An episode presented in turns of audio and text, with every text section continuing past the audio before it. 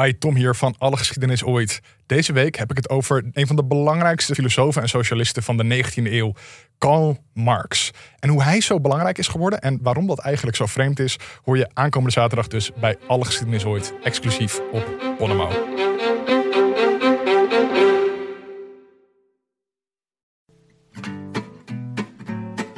Live vanuit het Oog van de Tornado, onze bank in Amsterdam-West, is dit de elfde etappe van de Rode Lantaarn. De dagelijkse Tour de France podcast van Het is Koers.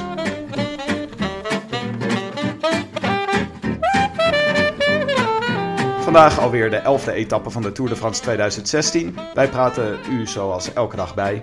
Mijn naam is Tim de Gier. Tegenover mij hier zit Willem Dudok. Willem, het is zo vervelend om tegen de wind in te fietsen.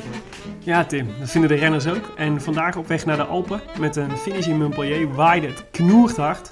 Dus vanaf de start was iedereen volslagen in paniek. Uh, als het waait denken wij vaak aan uh, waaiers, want uh, Belgen en Nederlanders houden van wind en houden van waaiers. Maar Kenianen en Slowaken kennelijk ook, want het feestnummer van deze etappe werd en Chris Froome, maar de winnaar Peter Sagan. Het is nog steeds Mathieu Botnar. Sagan daar in het uh, wiel. Maar daar komt Froome eroverheen. Ja, Froome denkt, ik ga toch nog even het sprintje aan met Peter Sagan. Maar hij wint hem niet hoor. Sagan wint op zijn sloffen de etappe voor Froome, voor Botnar. En dan wordt er gesprint in het peloton. En dan is het Christophe die daar zijn wiel als eerste over de streep drukt. Ze zijn allemaal geklopt. Ze zijn allemaal gefopt door deze magistrale actie van Peter Sagan en Chris Froome. De sprinters komen tekort. I wish I could be in the south of France. In the south of France. Sitting right next to you. Tim, we zijn weer lekker met z'n tweetjes. Ja, dat wel weer even wennen, Willem. Ja, ik vind het wel fijn. Even wat tijd voor elkaar. Rust in de tent. We hadden maandag hadden we Lodewijk Asje te gast. En gisteren Huub Bellemakers. Dat was leuk hè, met Huub. Ja. Sympathieke jongen. Ja, hij, uh, hij wist veel. Ja, hij heeft er kijk op. Hij heeft er kijk op. dat zei De Thomas Dekker al, maar het, dat klopt. Hij weet veel. Hij kijkt veel koers, dat blijkt wel. Ja. Nou, uh, het is uh, uitstekend voor ons voornemen om mensen uit de community uit te nodigen... dat bij de tiende etappe er eindelijk iemand ten tonele verschijnt. Precies. Ik ben benieuwd hoeveel er nog zullen volgen. Misschien ja. moeten we het de komende dagen even met z'n tweeën doen. Hij maakte wel een fout gisteren trouwens, Huub. Dus uh, als we toch naar de rectificaties mogen. Hij noemde in wat een blokje over uh, de ideale tourploeg van, uh, van Steven Kruiswijk. Voor mee te nemen naar de Giro. en hij noemde daar uit de failliete boedel van I Am Cycling Sebastian Reichenbach. Maar Sebastian Reichenbach rijdt helemaal niet bij I Am Cycling. Die rijdt bij Française des Jeux. Oh, Huub. Ja, maar Huub twitterde al dat hij eigenlijk Reto Hollenstein bedoelde. Mm. Die rijdt wel bij IM Cycling. Een belangrijk verschil natuurlijk tussen Sebastian Reichenbach en Reto Hollenstein. Reto Hollenstein. Weet je waar ik Reto Hollenstein van ken, Tim? Vorig jaar bij de proloog in Utrecht van de Tour de France. Was, uh, was, waren de jongens aan het, aan het warmrijden over het uh, tijdritparcours. En uh, dat ging bij iedereen goed, behalve bij Reto Hollenstein. Reto Hollenstein viel op zijn gat. Word je even bij stilstaan, Willem? Op zijn bips. Reto. Hollenstein. Weet je waar ik Reto Hollenstein van ken? Nee. Ik heb hem al twee keer mijn tourpool opgenomen. En twee keer had ik er echt helemaal niks aan. Volgens mij was het een tip van uh, het is koerscolumnist ja, van... Frank Heijnen. ja, die is groot fan van Reto. Ik denk ook vanwege uh, zo'n prachtige naam. Reto Hollenstein. Reto. Tim, ik zie dat je een natje hebt meegenomen. Dat verheugt mij zeer. Natuurlijk. Een, uh, een frisse lange dok. Waarom ook niet? We zitten immers in een lange dok. We zitten in een lange dok. Oké, okay. nou schenk maar in. Laat ik hem openmaken. Proost Willem. Naar de etappe.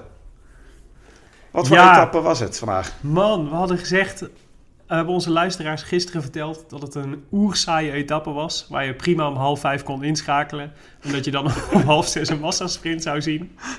Het er- tegendeel was waar. Ja, het tegendeel was waar. Eh, en dat kwam door, door de waaiers. Wat is een waaier, Tim? En waarom worden mensen uit de lage landen er altijd zo gelukkig van? Het gaat om de wind, Willem. En in het geval van waaiers vooral zijwind.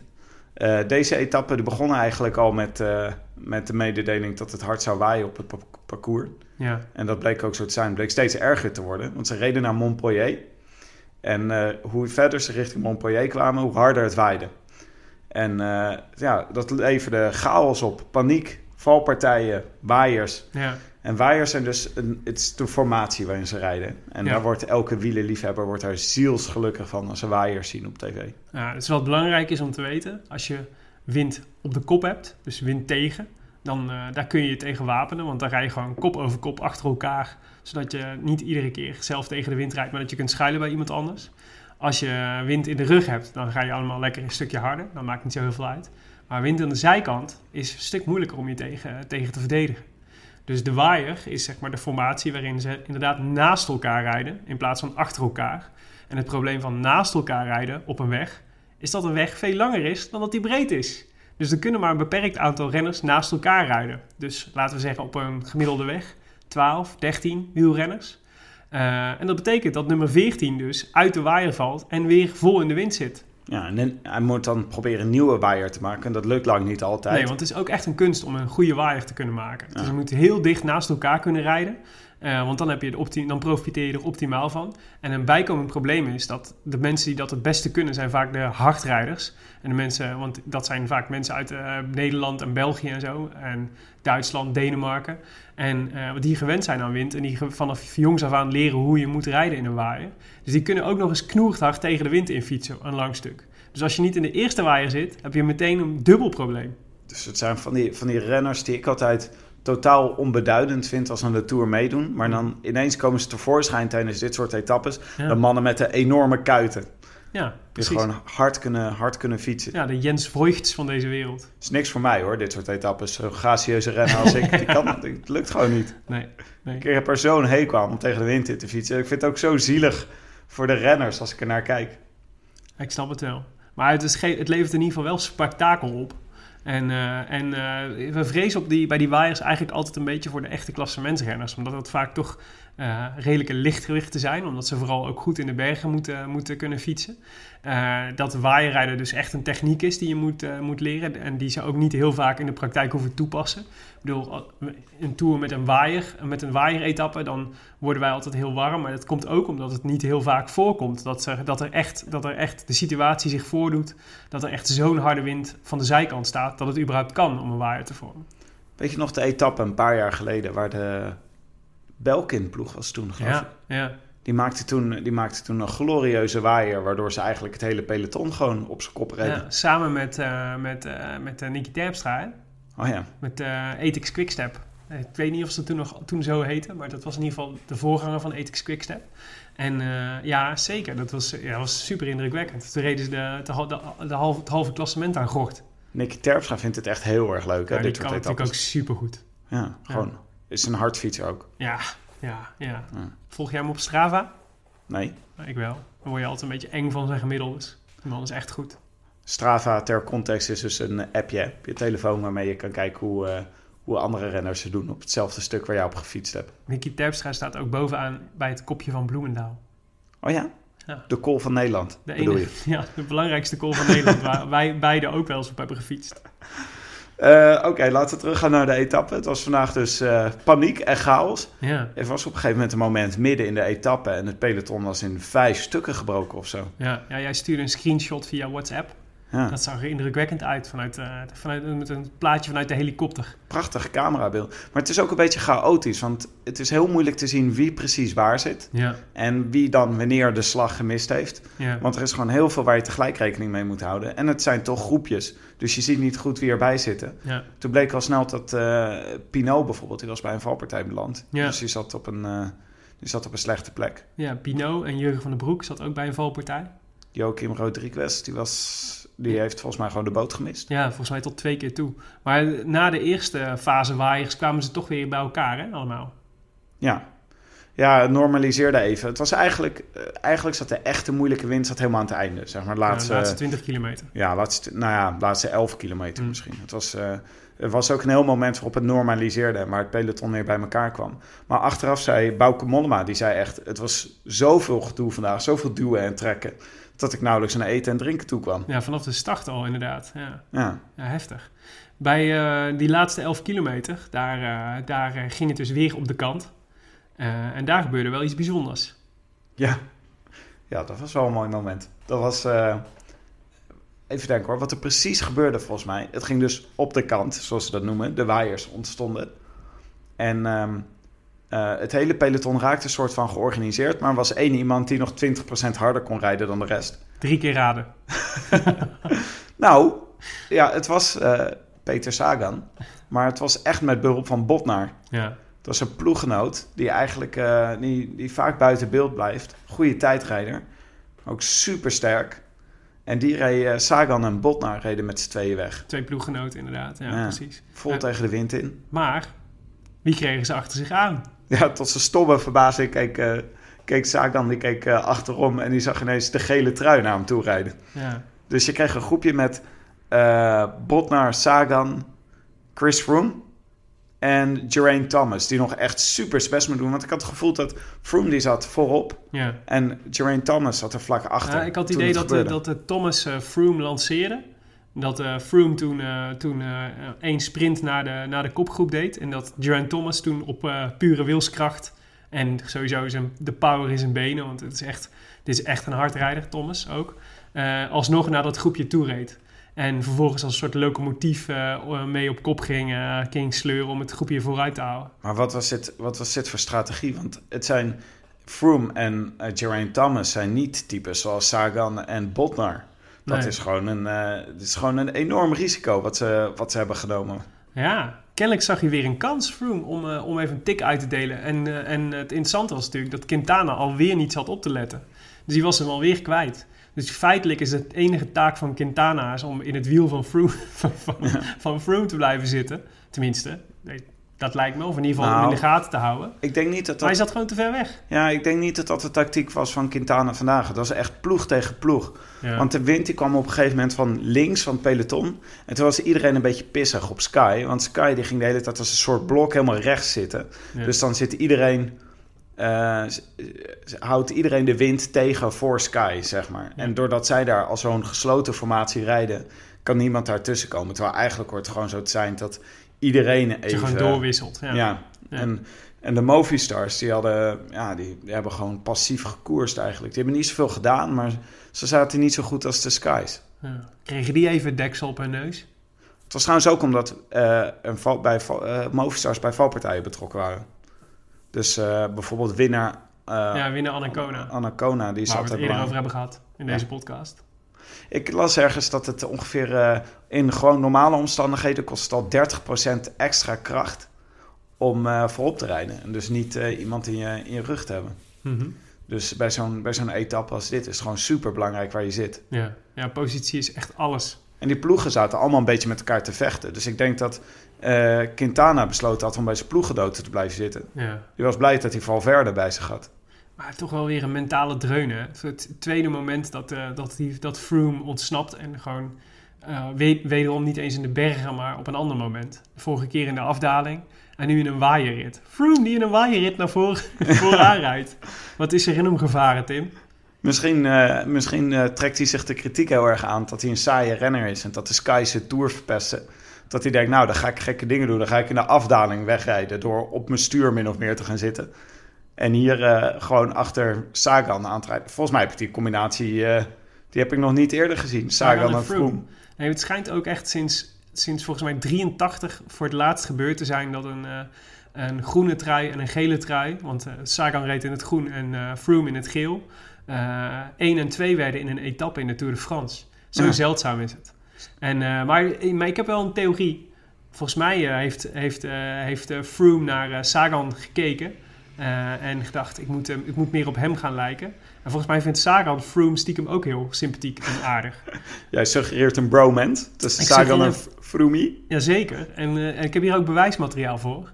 Want nou, mijn, eh, mijn, mijn beste afgespeelde, meest afgespeelde Vine ooit was er één die ging over een ontmoeting achter, eh, een ontmoeting achter het podium tussen Chris Froome en Peter Sagan. En daarin sprak eh, Froome, eh, of daar sprak eh, Sagan de legendarische woorden. Just very quick, please. Very quick. Froomey, how are you? Froome, how are you? Wat een raar fragment is dit. Hij gaat ook, ze staan met z'n tweeën als een persconferenties te, een persconferentie te geven. En dan gaat Sagan, die gaat ook nog eens bij Froome zo met zijn hand tegen de cap van Froome aanslaan. Is een soort, hallo, klepper de klepper de klepper. Ja, Froomey. Maar ik denk dus dat Chris Froome definitief Froomey is geworden. En, eh, en, eh, en besloten heeft, ik moet meer... eh, ik moet de- de- mijn inner Sagan moet ik, moet ik naar buiten laten. Ja. En dat is nu een beetje gebeurd. En dit is gewoon is echt super knap. Ik had nooit verwacht dat Froome dit zou kunnen. In een waaieretappe. Hij hoort eraf te waaien, niet vooraan te rijden. ja. ik, ik denk dat hij op dat moment dat, eh, dat Sagan en Botnar wegreden, dat hij gewoon daar zat en keek.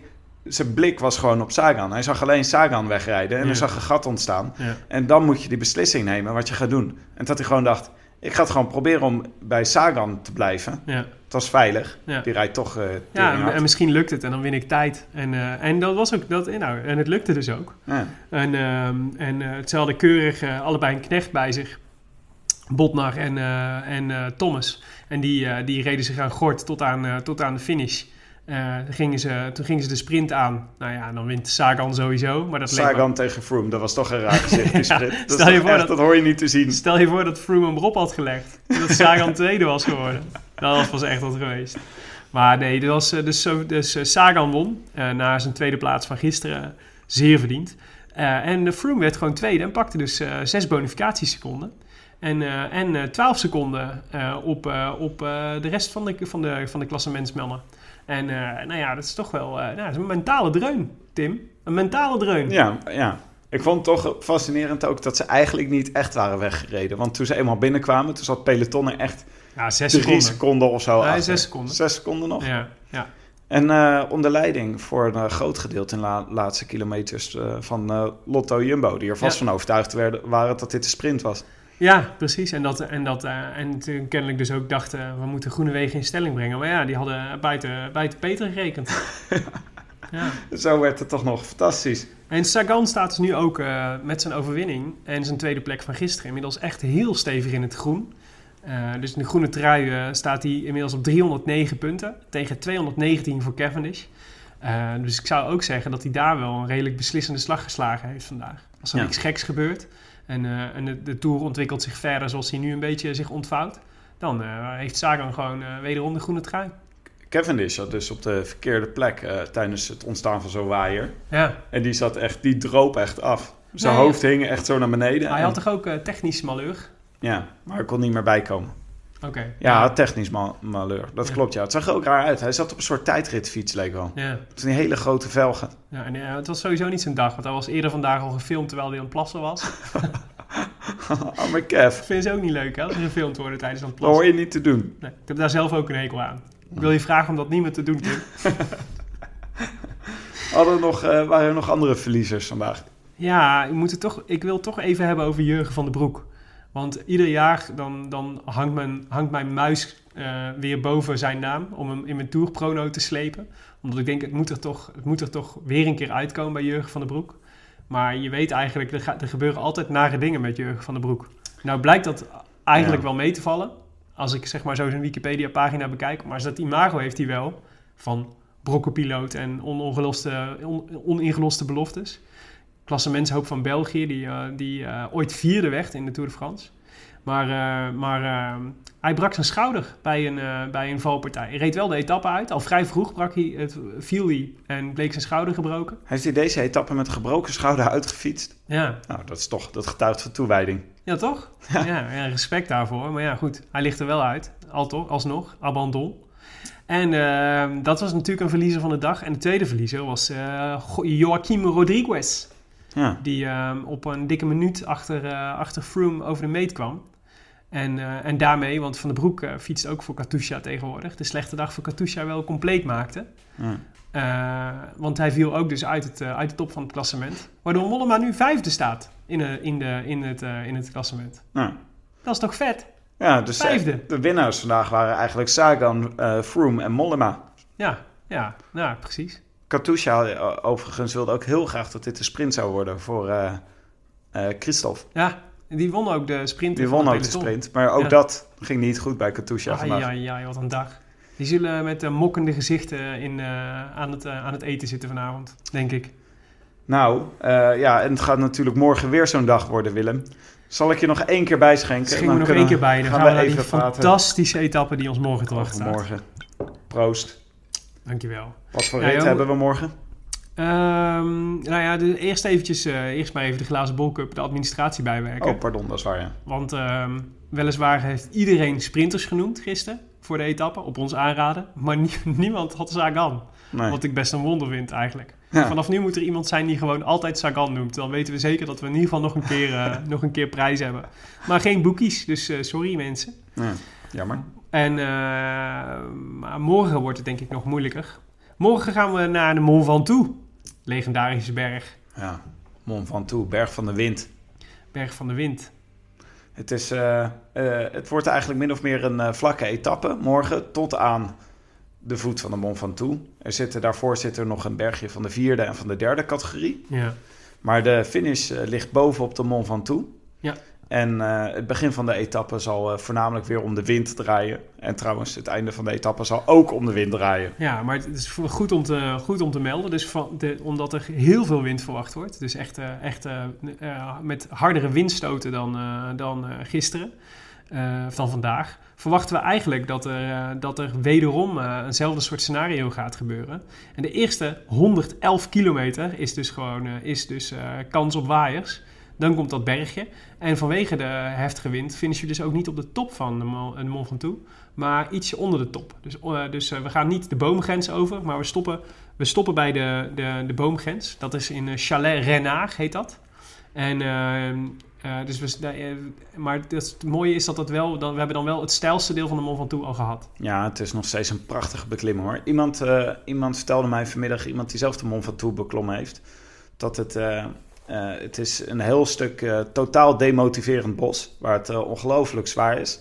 En dan kom je op een gegeven moment kom je zo boven de bomen en daar waait het altijd al hard. Maar eh, omdat de Tour-directie blijkbaar van mening is dat het nu gevaarlijk is voor de renners om, eh, om daar echt eh, met die windstoten naar boven te gaan. En waarschijnlijk ook bang is dat supporters van de berg afwaaien of zoiets Mhm. eindigen ze bovenaan de bomen. Is dat in het voordeel van iemand? Ehm, Ik weet niet of dat. Ja, ik denk niet dat het heel veel zo, uitmaakt. het hangt zo af van hoe de, hoe de etappe verder verloopt. De, de, de kans is gewoon best wel aanwezig dat niet alle klassementen, dat het peloton niet in één stuk eh, aan de voet van de Mont Ventoux verschijnt. Door, de, door waaiers, door de waaiers en en de wind. peloton. Ja, precies. En, door- en, en door de nervositeit die dat met zich meebrengt.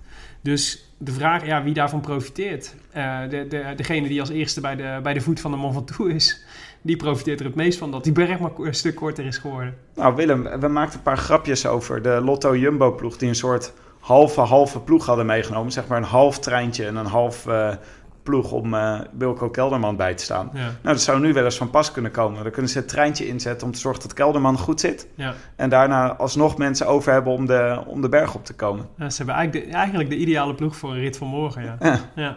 Want eh, dit wordt veel moeilijker voor Movistar, die allemaal van die, van die ranke klimmers in de ploeg heeft. ja. En nu zijn ze ook nog winnaar Anno Kona kwijt. Ja. Eh, wie verwacht jij morgen? Ik heb een theorie. Ah, het zal weer eens niet, Willem. Nee, ik dacht, kijk, je hebt dus een renner nodig die, eh, die snapt hoe die in waaiers moet rijden. En die in een ploeg rijdt die dat ook snapt.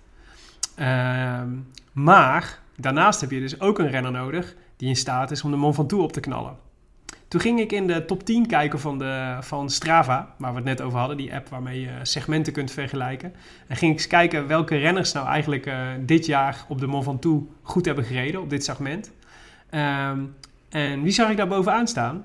Thomas de Gent van Lotto Soudal. Die, die reed dit jaar als snelste de Ja, Van Toe op. Nee, die heeft dus het, het, het deel van, van de Van Toe van Bédouin naar eh Chalet Renard, waar we nu Ah. naartoe gaan. Dat reed hij als snelste dit jaar. Eh, en het is eh, dus iemand die waaiers kan rijden. Eh, en hij heeft al eerder getoond dat hij en aanvalslustig is en redelijk in vorm ook. Dus ik, ik, mijn geld zet ik op Thomas de Gent morgen. Prachtig, eh prachtig Geen spel tussen te krijgen, toch? Nee, dat moet wel. ja, Ja, als je, heb je ook gekeken wie er het snelste überhaupt de Mont Ventoux op heeft gereden? Ja, zeker. Heb ik dat gekeken. Heb je enig idee? Hmm, nee, ik heb geen idee. Echt wel. Nou, Het staat in ons script. oh, verdomme, dat is waar. Probeer de luisteraar niet te besodemieteren, Tim. Was het, eh, Het is Laurens ten Dam. was het, was het Laurens Tedam tijdens de be- beruchte Bouw en Lauw Tour? Ja, het was 2013. Toen eh, was eh, die, die Bouw en Lauw Tour, die, daar zat een etappe in, in na de Mont Ventoux. En dat was echt een te gekke etappe. Waarin ehm, Froome en Wiggins samen, samen, samen eh, aan, het, eh, aan het koersen waren. Maar Froome won daar op de Mont Ventoux. En, eh, en Bauke Mollema werd tweede. En Laurens van Dam werd vijfde. Maar de tijd die eh, Ten Dam op de Mont Ventoux reed, die was echt spectaculair hard. En eigenlijk in alle klassementjes die ik zie op Strava, maar volgens mij komt dat dus ook omdat Froome en Mollema geen Strava hebben, was, eh, staat uh, Laurens ten Dam eh, bovenaan op de, op de Mont Ventoux. Dus de snelste Strava-rit op, op Mont Ventoux is geregistreerd door Laurens ten Dam. Dat is toch Ah. leuk? Ja, maar het is wel een Laurens Tedam die we eigenlijk al heel lang niet meer gezien hebben. Nou, hij wordt gewoon wat ouder, zei hij zelf ook. Ja. Dus hij, vroeger, of twee jaar geleden, reed hij Hardenberg op. Ja, en nu heeft hij een andere rol. het zou toch leuk zijn als we hem vandaag weer zien? Of morgen. Het is een, laten we zeggen, het is in ieder Vandaag geval... zou ook leuk Het is zijn, in ieder geval een berg die hem ligt, sowieso. En hij rijdt ook in een ploeg die in principe goed waaier zou moeten kunnen rijden. Al- Alpen zien. Dus eh, voor mij mag je opschrijven hoor, Tim, als je wil. Oké, nou, uitstekend. Eh, nee, ik dacht, eh, ik wilde zelf daar wat anders tegenover stellen. Ik dacht, het wordt gewoon Sky weer met zo'n blok aan de rechterkant van de weg. En Froome die het nu wel laat zien dat hij het ook bergop, dat hij ook de beste is. Dus ik heb eh, Chris Froome. Ik denk dat ze gelijk vanaf het begin af aan van de, van de onderkant van de Van Toe gaan strijden. Nu.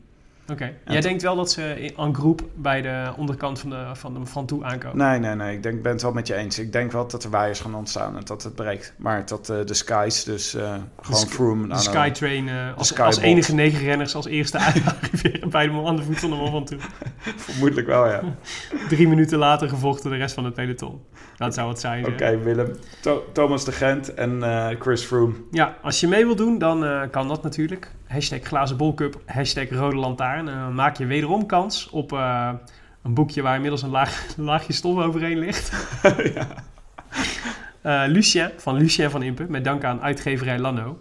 Eh, ik heb er zin in, joh, morgen. Ja. We kijken echt al een tijdje uit naar de Mont Ventoux. ja, maar dit wordt echt een mooie rit. Met eh, de wind maakt het ook extra bijzonder. het, kan, het kan bijna niet anders dan, dan echt totaal spektakel worden.